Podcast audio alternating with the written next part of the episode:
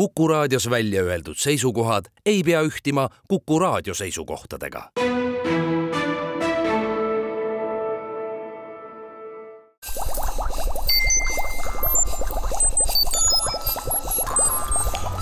kukkuv õun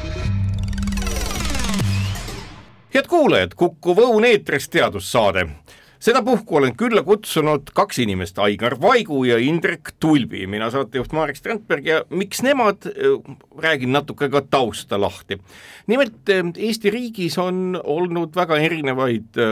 ambitsioone ja soove ja initsiatiive ja tegevusi selleks, et ettevõtlust arendada. nüüd tänasel hetkel ollakse jõutud siis sinnamaale, et sellise asutuse nagu Metroserdi juurde on loodud võimekus, tahe ja soov hakata edendama teadus-arendustegevust ja sihipäraselt siis välja töötama erinevaid tehnoloogiaid. miks see nii on, sellest me täna saamegi rääkida. tere, Aigar! tere! tere, Indrek! tere! nüüd mõtlengi seda, et äh, kui vaadata äh, kogu seda ettevõtluse arendamise sihtasutuse senist tegevust, mis ju ka ühel või teisel moel on ju suunatud äh, sellele, et ettevõtted suudaksid teadusmahukaid ja vajalikke asju teha siis paraku, kui sattun lugema näiteks Riigikontrolli aruandeid, siis on olnud need üsna kurblooliselt, kus Riigikontroll on lõpuks tõdenud, et nii palju, kui raha on antud ühe või teise tegevuse jaoks, nii palju parasjagu ka majandus on kasvanud, kui sedagi. Nüüd küsingi, et kuidas nüüd on jõutud sinnamaani, et see asi kompaktsemaks ja tervemaks teha, terviklikumaks teha ja mis lootused sellise muutusega nüüd on, et riigis saab olema üks nii-öelda teadusmahukate asjade arenduskeskus, mis siis selliseid, ise siis öelge, milliseid tehnoloogiaid ennekõike tegema hakkab? ma alustaksin võib-olla natukene kaugemalt, et eh, see on see, et me kõik tahame head elu. Ja hea elu tuleb siis, kui riigis on rohkem raha. Ja selleks on vaja võiks nii-öelda nagu kunagi professor Peeter Saari ütles, et rahakoti tuletis positiivseks saada. ehk siis raha peaks riiki sisse tulema, ehk me peaksime suuremat lisandusväärtust tegema. ja ega see raha mujalt ei tule, kui ikka sellistest tarkadest ettevõtetest ja uuest, uuest teadmisest. ja nüüd, mis see ambitsioon siis ongi, et Metrosert aitaks Eesti ettevõtteid läbi siis sellise rakendusuuringute tegevuse ja ka seda tegevust toetava tegevuse, seda uut teadmist Eestisse luua ja nendel ettevõtetel siis ka oma uusi tooteid, uusi tehnoloogiaid välja arendada? no selline tegevus on väga kulukas, väga mahukas, olles kokku puutunud äh, päris mitmelgi korral Soome samasuguse arendusasutusega, mille nimeks on VTT ehk Valdi on tehniline tutkimuskeskus, no mis on suur, väga suur isegi meie mõistes. Neil on seal kolm tuhat inimest. just, täpselt, ja, ja tohutult nagu toetatud. omapärane või see äh, julgus, mis riski võtmisel tuleb ja ma küsingi selle üle ka veel, et no Metroserdi, ma ei tea, senised äh, nii-öelda tegevuskäibed on vist kolme-nelja miljoni euro ulatuses aastas mm. -hmm, nüüd ma kujutan ette, et noh, nii mõnigi lõuapoolik ütleks, et no nii, nüüd võeti nööp ja hakati selle külge kuube õmblema et kui suureks nii-öelda see Metrosert siis äh, oma selle uue tegevusega paisuma peaks ja millist nii-öelda tegevust tuleb siis äh, intensiivselt äh, edendada ja millist oskust vaja on? ma kujutan ette, et see ilmselt kasvab kümnekordseks, kui mitte rohkem. No ideaalis võiks see ju niimoodi minna ja me loodame kõik, et see nii ka läheb, sest äh, ega sellisel teadus-arendustegevusel ja rakendusuuringutel, ega seal ju sellist ülemist piiri ees ei ole, kõik sõltub sellest, kui head inimesed on, mida nad teha oskavad ja lõpuks, et oleks ka ettevõtteid, kes selle uue teadmise lõpuks klientideni viivad. et jah, tõepoolest täna Metroserti käibed on seal kolme-nelja miljoni juures, aga meie fookus on olnud ka äh, mõõte, äh, mõõtetegevus ehk siis mõõteteadus ja sertifitseerimistegevus. ISO üheksa tuhat üks, äh, neliteist tuhat, EMAS, kõik sellised sertifikaadid aga nüüd tõesti tuleb meil juurde viis uut valdkonda. Ja mille... need on, kuulame need ka ära. Need on terviseandmete teinene kasutus, siis on biorafineerimine, siis on droonitehnoloogiad, isejuhtivad sõidukid ja vesinikutehnoloogiad. nii et viis väga erinevat valdkonda ja sellest võib siis Indrek rääkida, et kuidas need viis valdkonda välja valiti ja miks just sellised aga tõesti, me peame igas selles viies valdkonnas selle võimekuse üles ehitama ja suur teekond nii nagu ikka öeldakse, et seda tuleb alustada esimesest sammust ja niimoodi samm-sammult minema hakata. aga samas, nagu sa hästi ütlesid, ambitsioon peab olema julge ja, ja tahtmine peab seda olema teha. no Indrek, küsingi siin, et no vaatan teile otsa ja teades ka maailmas toimuvat, no ütleme,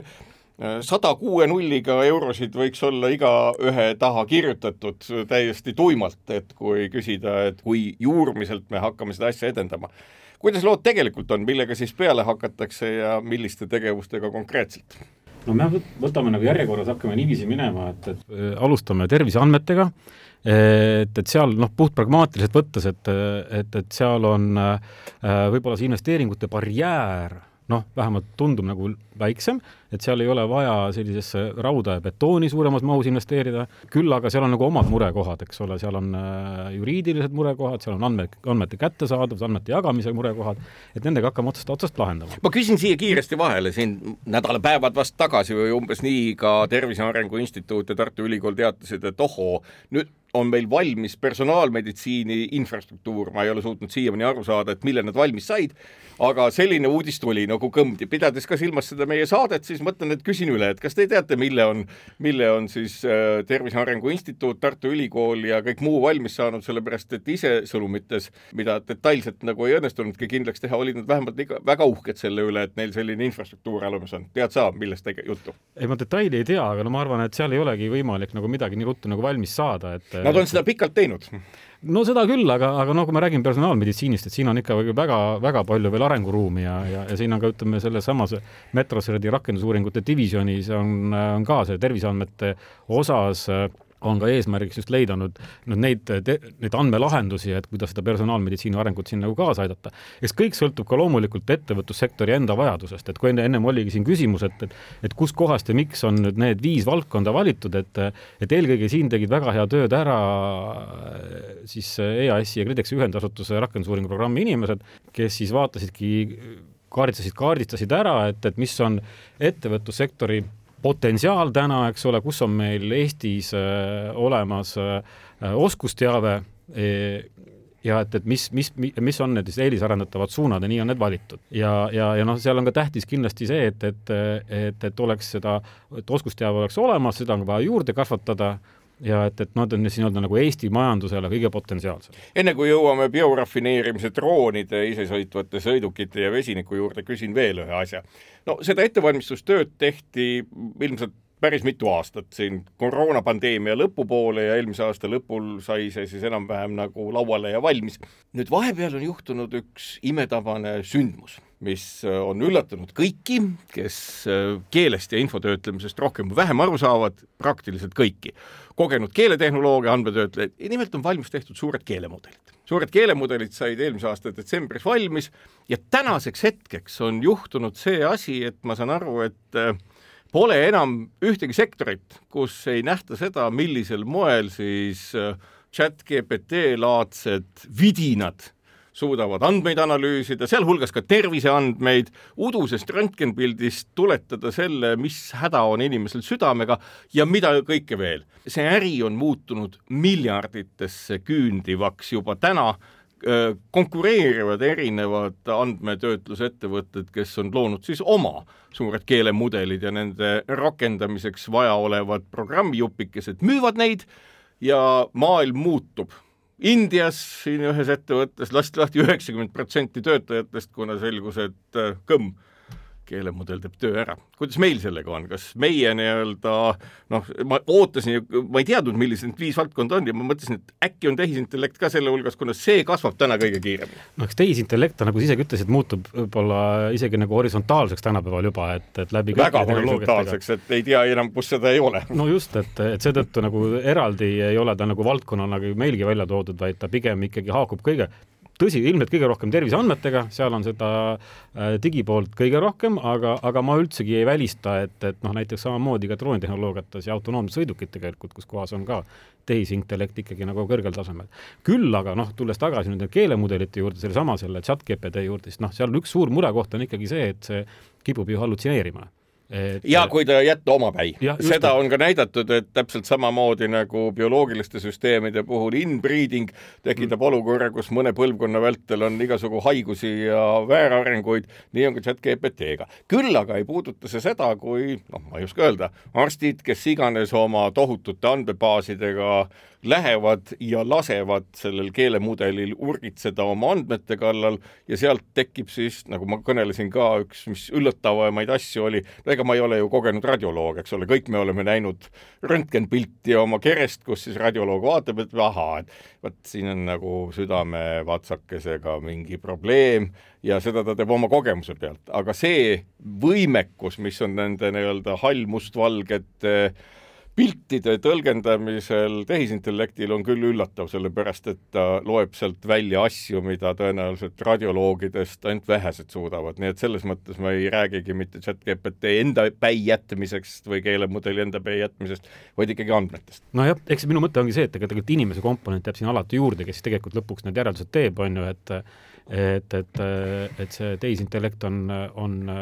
ülimalt hea tööriist. aga siin terviseandmete puhul me peame lähtuma sellest, et need on need väga öö, tundlikud isikuandmed ja see, et neid andmeid kellelegi üldse kätte andma, anda, kes neid töödelda võib, kuidas neid töödeldakse ja mis on need hüpoteesid üldse, mida nende siis täna Eesti riigi käes olevate terviseandmete pealt eh, kontrollida, vot see on eraldi küsimus. Ja siin aru- Metrosert saabki appi tulla jah, ma ettevõtetele just mõtlengi seda, et tu- teades ka nii mõndagi arhiivi ja statistika asjatundjat, kes ütlevad, et ei, ega see on küll omaette töö, et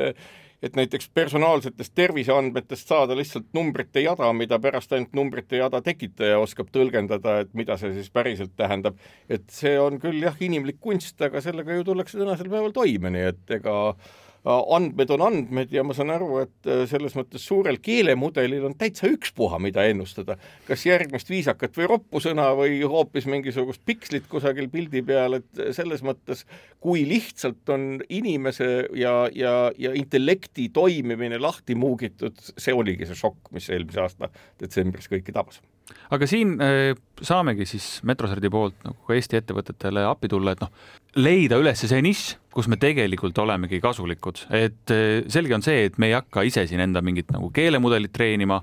vaid et tõesti, me peame üles leidma selle koha, kus me oleme Eesti ettevõtete jaoks kasulikud. olgu see siis see, et me teeme need andmed paremini kättesaadavaks, olgu see siis võib-olla see, et me aitame neid hüpoteese paremini sõnastada või olgu see lõpuks see, et eh, me aitame neid andmeid paremini süstematiseerida ja siin eh, koostöö Tartu Ülikooli eh, Jaak Vilo poolt juhitava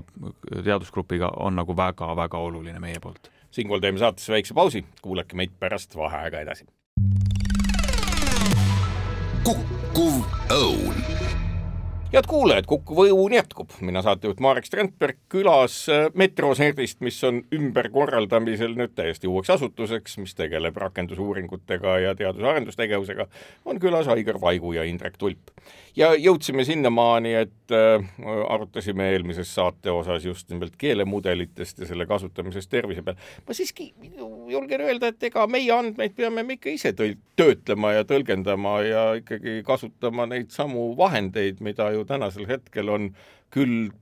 priilt, küll raha eest, küll kuidas iganes, ma arvan, kümnetel ettevõtetel juba pakkuda. just täpselt ja võib-olla nende mm, andmete tõlgendamise ja töötlemisega, et miks meie panus siin ka oluline on, on võib-olla sama, mis eh, isejuhtivate sõidukitega, need targad transpordisüsteemid, et miks siin Eestis üldse mõtet sellega tegeleda on, aga sellepärast, et kusagil California päikese all need autod sõidavad probleemideta aga niipea, kui sajab vihma, on jäided, teed on lumised, nähtavust väga ei ole, vot siis läheb asi põnevaks. hiljaaegu just Los Angelesest tuli teade, et seal peavad kohalikud sõda nende isesõitvate või juhtivate autodega, pannes nende kapoti peale selle liiklustorbiku või koonuse, kuidas seda nimetatakse ja kogu lugu. masin ei oska midagi teha. koonus on kapoti peal ja ei tea, mida peale hakata, on just nagu millegi otsa sõitnud. kas Eestis nii-öelda võib oodata samasugust ludiitlikku tegevust? vot see on võib-olla küsimus pigem sellistele äh, sotsiaalteadlastele ja psühholoogidele. meie pigem vaatame seda tehnoloogilist poolt ja üks mm, oluline asi, mida siis me tegema peaksime siin Eestis, on see, et me loome Eesti ettevõtete jaoks selle nii-öelda testimisvõimekuse. et see on äh, see, mida siinsed ettevõtted ja ka ümberkaudsed ettevõtted väga selgelt vajavad. no kui seda nii-öelda terviseandmeid ja infosüsteeme silmas pidada, siis noh, nad ei ole ka odavad, aga teab mis kallid ka mitte. kui nüüd minna edasi järgmise asja juurde, mida mainisite, biorafineerimise juurde, no see on biokeemiatööstus, see on keemiatööstus, seal enam ühtegi odavat asja ei ole. võib-olla labori mõõtmes reaktori ehitamine on ehk, aga kui juba tahta mingit tootmist piloteerida või suuremas mahus teha, see on kallis no.. see on igas mõttes kallis. kes on selle töö tellija? no selle töö tellijad on noh, on ütleme kaks, kaks peamist valdkonda, on toiduainetööstus, kus kohas äh, siis kas ühelt poolt katsetada või, või, või katsetada mingisuguseid mikroorganisme või, või siis ka hoopis toota mingisuguseid substraate või ka siis näiteks ütleme tegelikult ka Eestis olulisel kohal olev puiduainetööstus, et või puidutööstus, eriti just puidukeemia valdkond, et, et kas seal näiteks leida rakendust puidu, puidusuhkrutele, et kasutada neid puidusuhkruid siis mis iganes muude asjade tootmiseks selle läbi siis erinevate mikroorganismide, et noh, Eestis on ka väga hea oskusteave, kuidas neid mikroorganisme nagu disainida, toota, et, et neid ära kasutada, puitu me ka meil palju ja seda puitu kindlasti maksaks väärindada maksimaalselt siin ära, et, et, et need on need mõtted ja, ja siin on Metrosert tuleb, tulebki appi oma piloot, piloteerimisvõimekusega, et noh, nagu sa ennem ütlesidki, et, et noh, labori, laboriskaalas teha neid bioreaktoreid, et noh, sellega saavad tänapäeval ettevõtted ise ja võib-olla ka noh, ülikoolides on väga hästi hakkama, aga niisugust piloteerimisvõimekust täna meil eh, Eestis väga ei ole ja selle vastu on, on huvi, on, on ettevõtted, kes tahaksid just nimelt teha niisugust noh, ütlemegi seal kuskil äh, saja, kahesaja liitri või, või kuni isegi paari kandi äh, skaalas äh, biorafineerimist. Ma küsin ühe asja kohta, see võib olla täiesti minu nii-öelda vana teadmine ja, ja asjad võib-olla, millel tänasel päeval ei ole mingit tähendust no üks Soome ettevõte, milline plaanis hästi ulatuslikult ette võtta haruldaste muldmetallide puhastamist bioreaktorite ja bioreaktsioonide abil, oli Talvivaara praegusel hetkel on sellest saanud üks Soome suurimaid pankrotipesasid, kus nii-öelda ükski protsess moel, nagu kavandati, käima ei läinud. See, ma ei tea täpselt, kus nad paiknevad, aga igal juhul see ilmselt selle jäätmete likvideerimine, mis sai kiirelt üles ehitatud, kestab veel väga pikka aega ja nii mõnedki likvideerijad peavad seda oma elutööks. nüüd küsimus on selles, et nii palju kui bakteritest rääkida, ma oletan, et sealgi neid kasutatakse, siis bakteritel oli vähemalt mõnda aega tagasi üks selline selline kurikaval oskus, et ükskõik milliseks sa neid ei muutnud, siis nende mingisugune sisemine võime oli kaotada see mälupilt ära sellest, milline see muudetud põlvkond välja nägi ja ikka jonnakalt täpselt samasse asendisse tagasi tulla kõikide oma ensüümide ja muude sünteesimisega. ma ei tea, millega see seotud on, tõenäoliselt bakteri omapärase DNA-ga, mis on rõngasse keeratud, plasmiidiks nimetatakse, eks. ja, ja kas tänaseks hetkeks on selles valdkonnas siis mingisugune oluline revolutsioon toimunud, et meil või ka mujal on, ollakse veendunud, et me suudame tekitada bakterikultuure, mis niimoodi väänatult, nagu meie tahame, tõesti pikalt eksisteeriksid no nii nad nii nad väidavad jah, et, et ma usun, et see Soome näide ilmselt oli seotud selle bioleostamisega, eks just, ole. just, bioleostamine. jah, et, et noh, ta täna minu teada veel jah, kuskil tööstuslikult rakendust äh, kahjuks vist ei ole leidnud, on ju, ütleme niisugust äh, teadustasemel äh, on toodud küll välja erinevaid niisuguseid nagu potentsiaale, eks ole, noh, eks ongi, teadus-arendus on tihtilugu seotud riskidega ja noh, tõenäoliselt siis seal mingisugune tehnoloogiline risk realiseerus, et ja, ja no jällegi, et, et mikroorganismide valikul ju tegelikult see valik on väga suur ja see on hästi kriitiline, et et kas sa saad nüüd just parasjagu selle õige tüve või mitte, on ju ja, ja noh, noh üks asi, et, et seda evolutsiooni noh, millest sa välja tõid, et Just. nad muutuvad, on ju. Nad on jonnakad, nad ei evolutsioneeru, nad evolutsioneeruvad küll näiteks mingisuguste noh, ma ei tea, antibiootikumide kontekstis, oi kuidas, aga et kui me ütleme, et no tee midagi kasulikku, siis ta ütleb, no ma teen paari põlvkonna jooksul ja siis ta läheb ju tagasi samasugust no, no ilmselt see no, ongi see, et sa peadki seda siis, sedasama nii-öelda nagu tootma, seda algset kogu aeg ise, on ju, et sa ei saa, sa ei saa jätta teda niimoodi omaette oma jah, nagu, nagu ChatGPT-dki, on ju. aga siin ma usun, et äh, Mart Loog ja tema temale antud siis see tiimingu grant, et eh, see siin võiks tuua mõnesuguse läbimurde, aga ma arvan, et sellest võib millalgi tulla Mart sulle ise. ja ta on käinud siin korduvalt ja kirjutanud ka Postimehele päris vahvaid ja korralikke ülevaatelugusid, nii et ma usun, et see teema on põnev. aga küsin hoopis teist asja, et noh, nii-öelda seesama toiduproblemaatika, mis maailmas on, igatepidi vaatame, et valke on vaja, nende kasvatamine noh, nii-öelda mm, loomades ei ole pelk mingisugune eetika küsimus problemaatiline, vaid tegelikult ka efektiivsuse küsimus, sellepärast et nad on üsna kehvad muundamaks äh, toitu selleks, mida meie süüa tahame. nüüd maailm on täis ju kõikvõimalikke selliseid ka muid tehnoloogiaid, mida siia ei ole jõudnud, kas nüüd see uus metrosert uuenenud on ka mõeldud selle jaoks, et kompetentsemalt näiteks üht või teist tehnoloogiat siia siirdada, no ma ei tea. Suurbritannias on, ma arvan, vist nelikümmend aastat rakendatud äh, seenorganisme valkude sünteesimisel ja toidu mõttes ja kogu see pärmidel põhinev toiduvalgu tootmine, et seda on ju igal pool, kus on saavutatud läbimurdeid ja ma kujutan äkki ette, et noh, ega põllumajandusega konkureerida on igal pool hästi keeruline, sellepärast et on ju traditsioonid, on traditsioonid, mis on põhiliselt seotud sellega, et ollakse harjunud näiteks Euroopa Liidus vastu võtma tohutuid toetusi. kas ka nii-öelda juba loodud tehnoloogiate siia toomine võiks olla teie rolliks, et noh, hinnata, et noh, kas siis ikkagi see kõlbab või mitte, seepärast et ettevõtte jaoks on selline huupi proovimine, isegi kui väga head lepingud tehtud, on paras risk. see täpselt ongi see, mida me teha loodame, et noh, tuleb endale aru anda, et meie mastaap tänasel hetkel veel, nüüd kui me oleme alustanud, ei ole võrreldav ju VTT mastaabiga. aga me loome tingimused tõesti selle jaoks, et seda kompetentsi siia rohkem tuua, et seda kogemust rohkem saada ja selle pealt siis tõesti Eesti ettevõtetele ka võimalusi juurde pakkuda. ja nagu sa hästi mainisid, tõesti, need riskid on väga kõrged ja täna ongi Metroserdile antud siis see voli neid riske noh, nii-öelda läbi proovida. ja no. päeva lõpuks võibki juhtuda, et jah, ühestki nendest viiest valdkonnast peame kümne aasta pärast tunnistama, et noh, need ei olnud perspektiivikad ja nendest mitte midagi ei saanud, aga ma ei usu, et nii läheb. ei, see tundub ka üsna, üsna kõhklev olevat selle hoiaku suhtes ka minu meel, et noh, öelda tänasel päeval, et droone pole vaja, oleks nagu üsna pime või, või öelda, et toitu pole vaja nüüd kuidas nii-öelda, ma saan aru, et äh, kui me räägime tervisest ja biorafineerimisest, on seal juba nagu mingi ettevõtete komplekt olemas, kes huvi tunneb. kuidas üldse näeb välja näiteks see, et kui ettevõte, ma ei oska öelda, mingisugune, kes ka mõtleb samades suundades, ütleb, et vot ma tahaks ka olla sellisel moel teadmiste saaja ja kasutaja, kuidas ta saab siis teie ukse peale koputada? metrosert.ee, sealt lehelt saab meie kontaktid või tegelikult võiks isegi öelda, et kirjutage otse Indrekule, indrek.tulp.metrosert.ee ja sealt saab selle kontakti pihta, sest ega see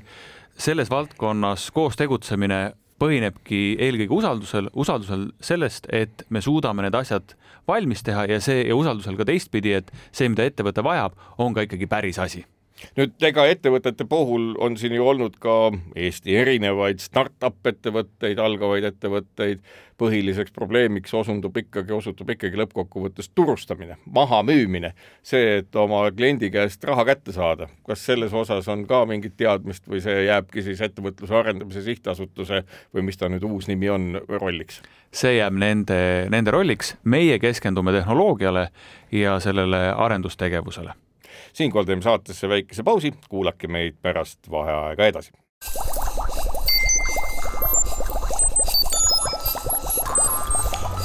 kukkuv õun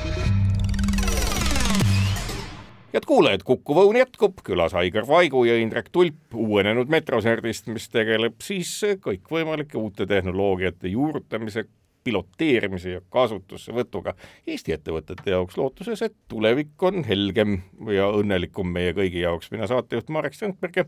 küsin siis edasi, et, et jõuame siis nende samade droonide juurde, mida mainisid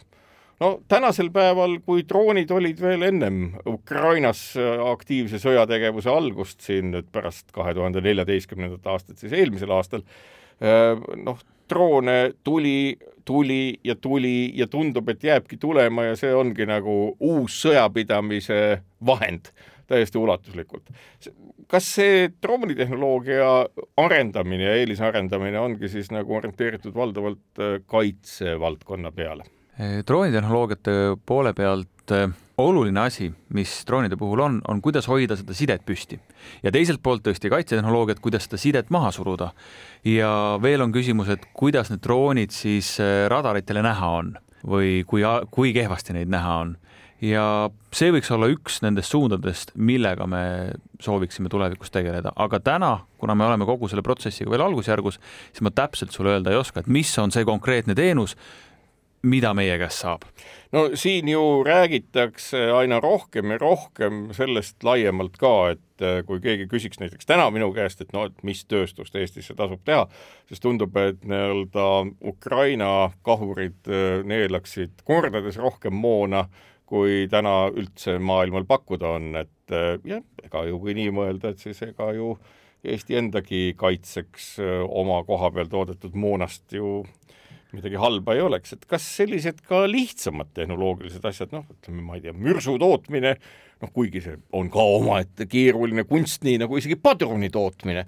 aga ta on ikkagi baastehnoloogia ja millegi tõttu ka siin kohapealsed ettevõtjad seda nagu ei ole jaksanud ette võtta. kas ka selliste, ütleme, ilmselt juba maailmale tuntud tehnoloogiate kohapealne rakendamine, kui see on julgeolekuliselt vajalik, oleks ka näiteks nüüd selle uuenenud metroserdi roll? Äh, jah, kindlasti ja tegelikult meie see praegune äh, tegevus, äh, mis puudutab mõõtetehnoloogiat, mõõteteadust, siis seesama mürskude ja padrunite tootmine vajab metroloogiat hädasti. sest noh, kõige hullem asi, mis juhtuda võib, on see, et sul on tõrge olulisel hetkel ja seda tõrget saab maha võtta sellega, et sul on ettevõtte kvaliteedijuhtimissüsteem korras ja sul on kogu see metroloogiline protsess seal tootmisel korras, et noh, et ei teki selliseid kõrvalekaldeid ja no ma loodan ju väga, et võib-olla siis Venemaa probleemid ongi sellega seotud, et nad ei suuda äkki nendest samadest täppistootmisreeglitest kinni pidada, pole vist kunagi suutnudki. ja see on suhtumise küsimus ka, et eh, meie õnn on see, et eh, Venemaa kvaliteedijuhtimissüsteemid ei ole nii heal tasemel, kui on näiteks Saksamaal. kui see nii oleks, siis meil ka lootust ei oleks, aga õnneks neil on seal kõigest nii-öelda noh, nagu ikka öeldakse, aga. aru, et ma ei tea muidugi, aga muiste oli ikkagi niimoodi, et äh, käsku püüti täita esmaspäeval olid tavaliselt kõige kehvema toodangu päevad, kuna pikk nädalavahetus oli vahel, et kui see on jätkuvalt nii, siis, äh, siis on see vist meie õnn loomulikult on see meie õnn, aga seda enam peame me keskenduma sellele, et meie noh, kõrgtehnoloogiline tootmine oleks olemas ja et see metroloogiline pool seal oleks ilusti paigas, et ettevõtted ja tegelikult kogu ühiskond mõistaks seda, kui oluline on mõõtmine ja kui seda kehvasti teha, et missugused tagajärjed sellel on. no ma olen kogu aeg mõelnud ka teist asja, et ega ju noh, jällegi, et äh, kogu aeg öeldakse, et ega see ei ole raketiteadus ja ega see ei ole raketiteadus, et see on väga lihtne. no raketiteadus on ka tänasel päeval, ma saan aru, väga lihtne, et eriti pärast seda, kui kui Elon Musk murdis ära selle põhitõe, et kõike peab väga kallilt arvutama ja hakkas lihtsalt kokku keevitama rakette ja neid katsetama ja selle pealt õppima. aga seesama Elon Musk seisab ka täna ikkagi ju gigantide õlgadel, et väga palju sellist katsetamist, väga palju inimesi on hukka saanud selle avastamise käigus ja nüüd tema lihtsalt kasutab seda tehnoloogiat, mis meil juba olemas on, seda teadmist, et ise selle pealt midagi välja mõelda. just, just seda ma mõtlen, et ega meilgi on võimalik sinna õla peale mahtuda, et see õlg on ju väga lai inimese ajalugu, et kas äh, nüüd ütleme, droonidele lisaks veel võiks ette kujutada, et siis me oma raketitehnoloogia, olgu siis kas siis õhutõrje või muuks otstarbeks, ma ei tea, kas kus kosmosesse lendamiseks, aga, aga tõenäoliselt võib-olla ka seda, selles mõttes, et ega ju satelliidid muutuvad aina väiksemaks. just täpselt ja siin Metrosert saabki igatipidi appi tulla ja, ja võib-olla just läbi metroloogia, läbi mõõtmise, et ka Eesti esimene mm, satelliit EstCube üks käis ju metroserdi mõõtmiste alt läbi ja oli, oli siis see, sellega ei õnn-, see vist oma tööd ei õnnestunud äh, ära teha vist või? põhimissiooni Estküb üks tõesti ei täitnud, et see, see peenikene traat sealt traat, välja jah, ei tulnud, aga pilte tegi ta väga hästi ja mis tegelikult kõige olulisem oli see, et Eestisse tekkis see kogemus paljud eh, noored inimesed said väga hea kogemuse ja selle pealt on kasvanud eh, mitmeid ettevõtteid. me oleme, me oleme maailmas tänu sellele palju rohkem tõsiseltvõetavamad ja samamoodi selle rakendusuuringute tegevusega Metroserdis, miks see oluline on, on sellepärast, et me oleksime maailmas tõsiseltvõetavamad ja me saaksime nii-öelda, meid kutsutaks mängima sinna, kuhu me täna ligi ei saa. Indrek, no Eestis inseneride puudusest ja sellise asjatundliku teadmise puudusest on räägitud ja räägitakse jätkuvalt kogu aeg. et kui palju, ma küsin lihtsalt seda, et seesama mm, VTT, kus on siis Soomes siis kolm tuhat inimest tööl ja kellel on ka ju omad äh, noorte inseneride programmid ja mis iganes, et nad on ühiskonnas väga sidusad. kui palju võiks ette kujutada, et siis UNNU-d kui see lõpuks nii-öelda moel või teisel rohkem valmis saab, Metrosert võiks siis pakkuda just nimelt noortele sellist äh, käeproovimise, arendamise ja täiendamise kohta. no absoluutselt, et, et noh, siin kindlasti me tahaksime teha koostööd äh, ülikoolidega, õppeasutustega, ise meil no kindlasti õppeprogrammi meil ei ole, aga, aga miks mitte teha nagu lõputöid, äh, mul siin ongi tegelikult, hea, et sa küsisid, on ju kokku lepitud juba Inseneriakadeemiaga, me siis saame kokku ja arutame tegelikult üleüldse nagu, kuidas seda Eestis seda inseneripuudust hakata nagu rohkem äh, kuidagi parandada, sest noh, see on, see on nagu valdav igas, igas sektoris, et, et et selles mõttes äh, Metrosel kindlasti peaks siin seda auku ka täitma. no samas on ju, noh, ma ei ütle, et hulgi, aga ikkagi nii mõnigi tudengivormeli projekt, mis on käimas siin Tehnikakõrgkooli ja Tehnikaülikooli vahel, siis täiesti tavatu asi, mis vist täna reisile saadeti Austraaliasse, Solaride'i päikeseauto, kus ma ei tea, sadu inimesi täiesti vabatahtlikult üle Eesti ehitavad päikeseautot. tõenäoliselt neid väljakutseid tuleb aina rohkem ja rohkem. ilmselt nagu ka seesama teie teema, et noh, see on aja küsimus, kui tekib äh, võistlus vesinikuautodega ja nii edasi, nii edasi. nii et äh, tegelikult ju, kui me vaatame seda, kui suure õhinaga inimesed haaravad, noored inimesed haaravad kinni ühest või teisest sellisest innovatiivsest ideest, siis see on ju tähelepanuväärne. mida selleks vaja on, et nad jääksid sinna külge, mida selleks vaja on, et noh, loomulikult hea vastus, nagu ütleb iga perearst, et kui inimene tuleb ja kurdab, et tal on hädasid, siis äh, on universaalne ravim, mida iga perearst tahaks kirjutada. Ja see on raha et, et siin on vist sama lugu, aga mis veel? no raha ka kindlasti, aga, aga no see võib-olla ei ole ka alati peamine, et, et tähtis on seesama see inspiratsioon, et nad saavad teha et, et needsamad, need väiksemad, noh, mitte nüüd väiksemad, aga üldse need, need muud projektid, sellised ütleme, tudengivormelid ja, ja, ja need Solaride'id, et noh, need on vajalikud selleks, et noored saaksid kogemust, et ja, ja, ja noh, hiljem liiguvad edasi ja täpselt samamoodi ka no Metroserdis see inimkapitali kasvatamine läbi inseneride, läbi, läbi äh, koostöö ülikoolide, läbi tudengite, et nad saavad mingi kogemuse äh,, reaalse niisugune nii-öelda ettevõtlussuunaga rakendusuuringu või teadustöö tegemise kogemuse ja kui neile endale see, see konkreetne valdkond ei meeldi, siis nad liiguvad, liiguvad teise valdkonda, nad võtavad selle kogemuse kaasa, loovad seal oma mingi äriühingu, kap-, kaasavad sinna kapitali ja tulevad teistpidi meile Metroseli kliendiks tagasi ja teeme koos arendusprojekte. sa, Aigar, mainisid Peeter Saari mainitud äh, tuletise võtmist, et äh, rahasumma kasvaks. ma just mõtlen seda, et ega meil ju probleem ongi selles, et ähm, kui kujutan ette, et kui näiteks insenerivaldkonna üliõpilastele makstakse stipendiumi, siis oleks nii valik kui kõik kohad täis ja see tuletis kulutades raha täna võiks olla ju majanduslikus mõttes, no see tundub nagu olevat väga lihtne iseenesest, nii nagu õpetajate koolitusega täna meil on õpetajate puudus ja pakutakse õpilastele, üliõpilastele stipendiumit ja need kohad on täis. ja siin on neid teemasid, kuidas seda lahendada, on nagu mitmeid, aga mis on äh, hariduse võib-olla kõige suurem kitsaskoht, on see, et see kasu sellest paistab välja alles aastate, kümnete aastate pärast. no aga kõik saavad aru, et see paistab välja lõpuks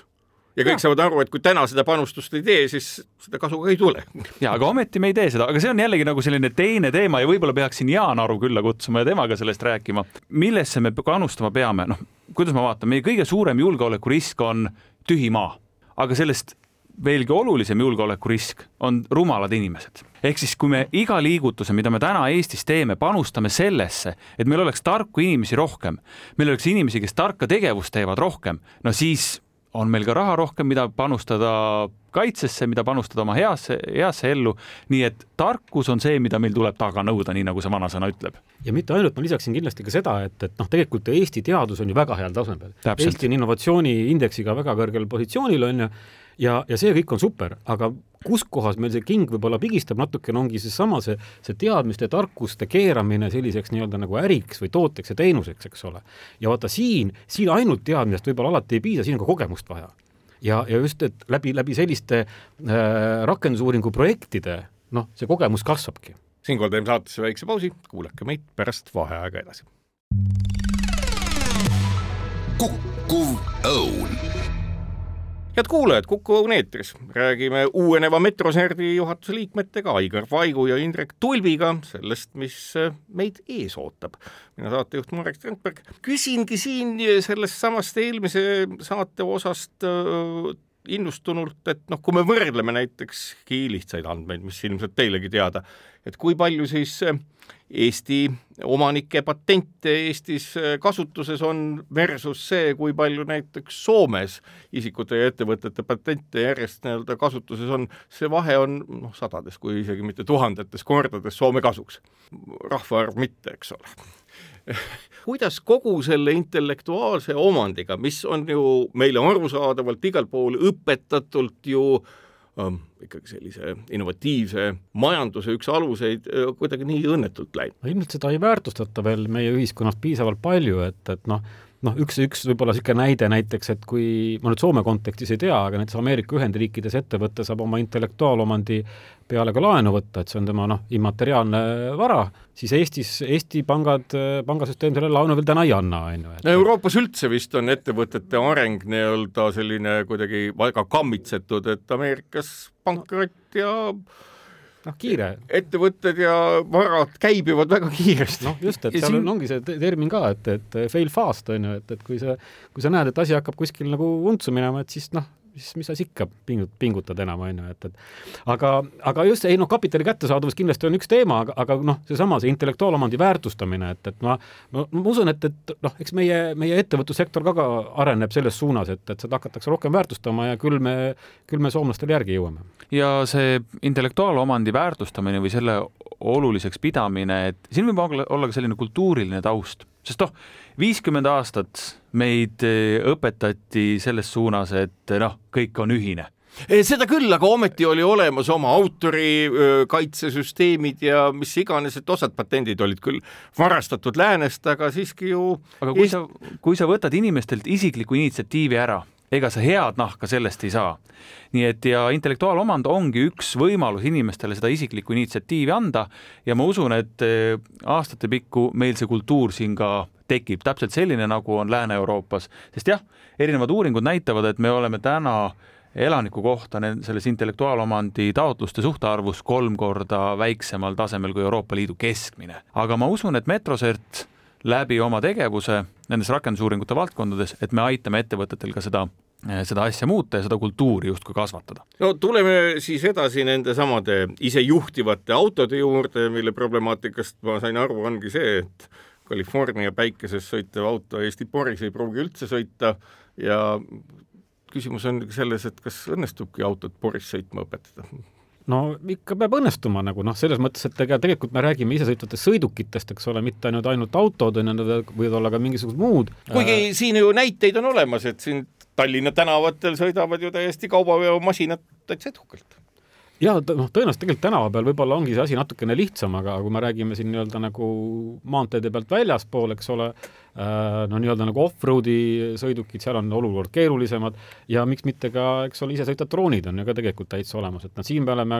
oleme ka nagu selles asjas täiesti avatud, on ju, et meil ei ole nii-öelda nagu see, see teravik veel täpselt paigas, et mis siis nagu see konkreetne suund meie jaoks on, et me siin praegu siht- ja sidusrühmadega nagu pigem suhtlemegi läbi ja proovimegi aru saada, et, et kus, kus kohas siis me saaksime kõige rohkem siin nii ettevõtteid kui ka, kui ka teadus-arenduspoolt aidata. nüüd vesiniku juurde, noh, minu lemmikteema vaieldamatult mulle tundub, et see on kuidagi põhjendamatult tagasihoidlikuks jäänud selles mõttes, et kui on üks asi, kus saab ju üles ehitada lihtsa asja, tuul puhub, päike paistab, elekter tekib,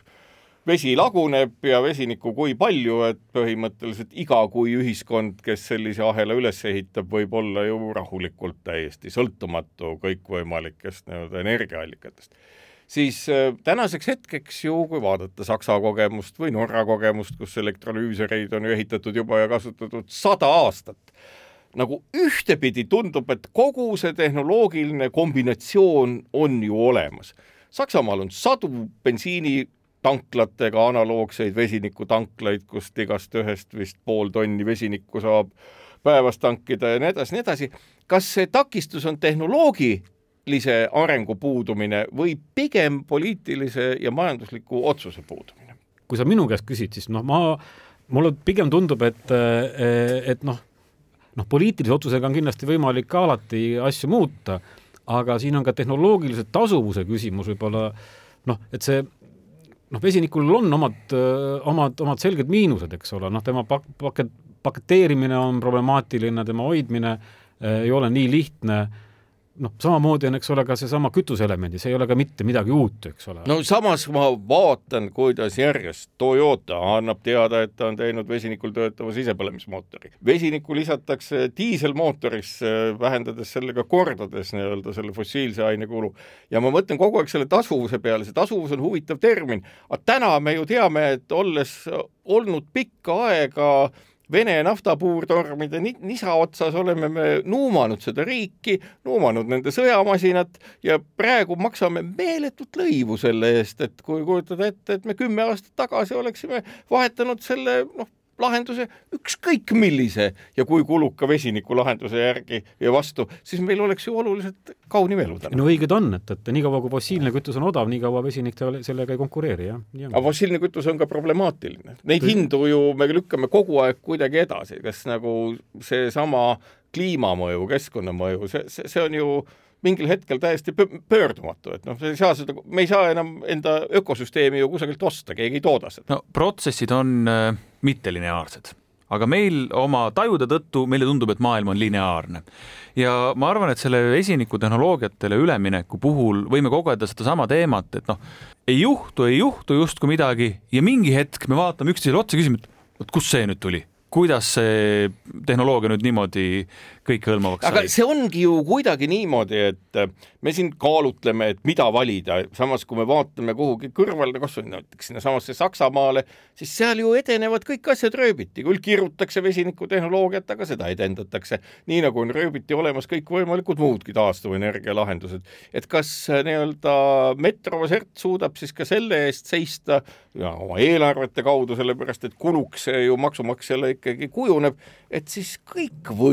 kõikvõimalikud alternatiivid kõikides nendes valdkondades, mis siin mainitud on, oleksid siin kohapeal nagu mitte kui muuseumis, aga just nimelt pilootlahendustena kombatavad, katsutavad, arvutatavad ja hinnatavad. no eks me peame peeglisse vaatama ja aru ka andma, et, et me, meie mastaap ei ole nagu Saksamaa, et, et meie vahendid on, on piiratud ja, ja noh, kõike me kindlasti nagu teha ei saa ja tagada ei saa, et me peame ikkagi mingi teatava prioritiseerimise tegema, noh, nendes valdkondades, mis meil praegu on, et noh, vähemalt hetkel on valdkonnad prioritiseeritud ja, ja ka siis ikkagi sealt valima välja need kõige potentsiaalsemad tehnoloogiad, vaevalt et me suudaksime kõiki vajadusi katta. mitte arendumise mõttes, aga osta ju ikka jaksaks, isegi väga kallist asja, näidiseks. aga mis sa selle tühja seadmega teed, kui sellega midagi teha ei oska? ei no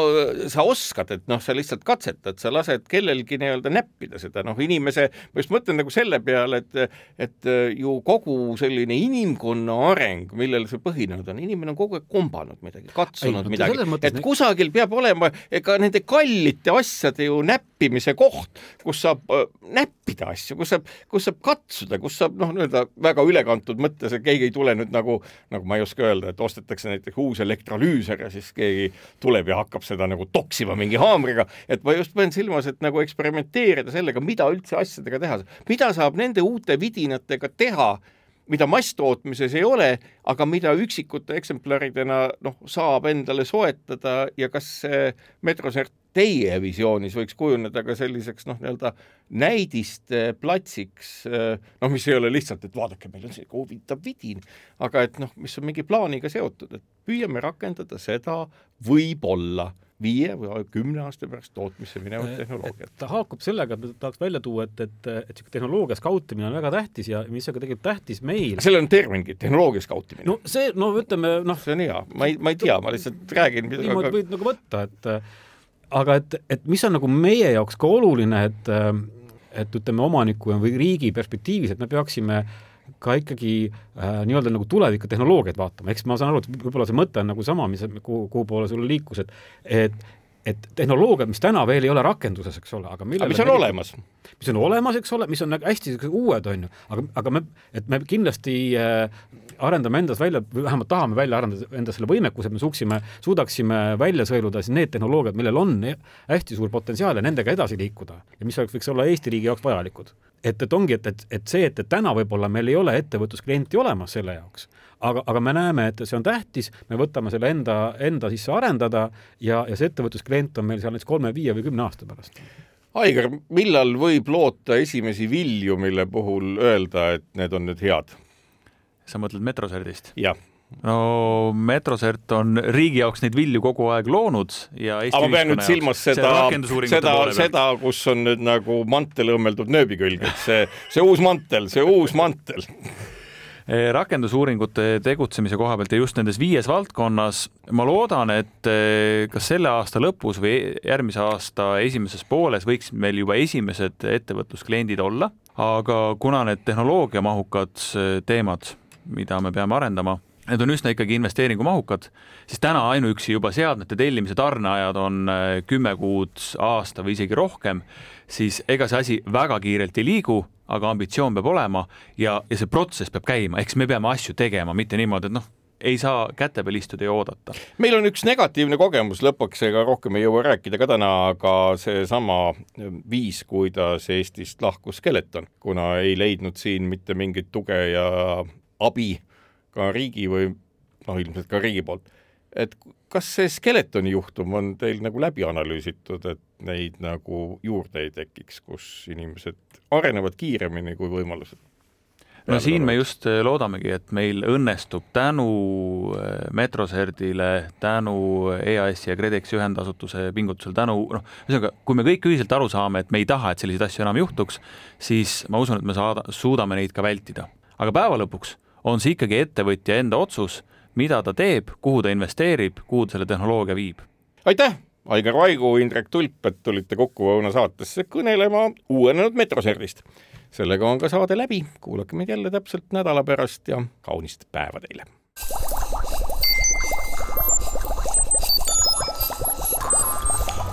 kukkuv õun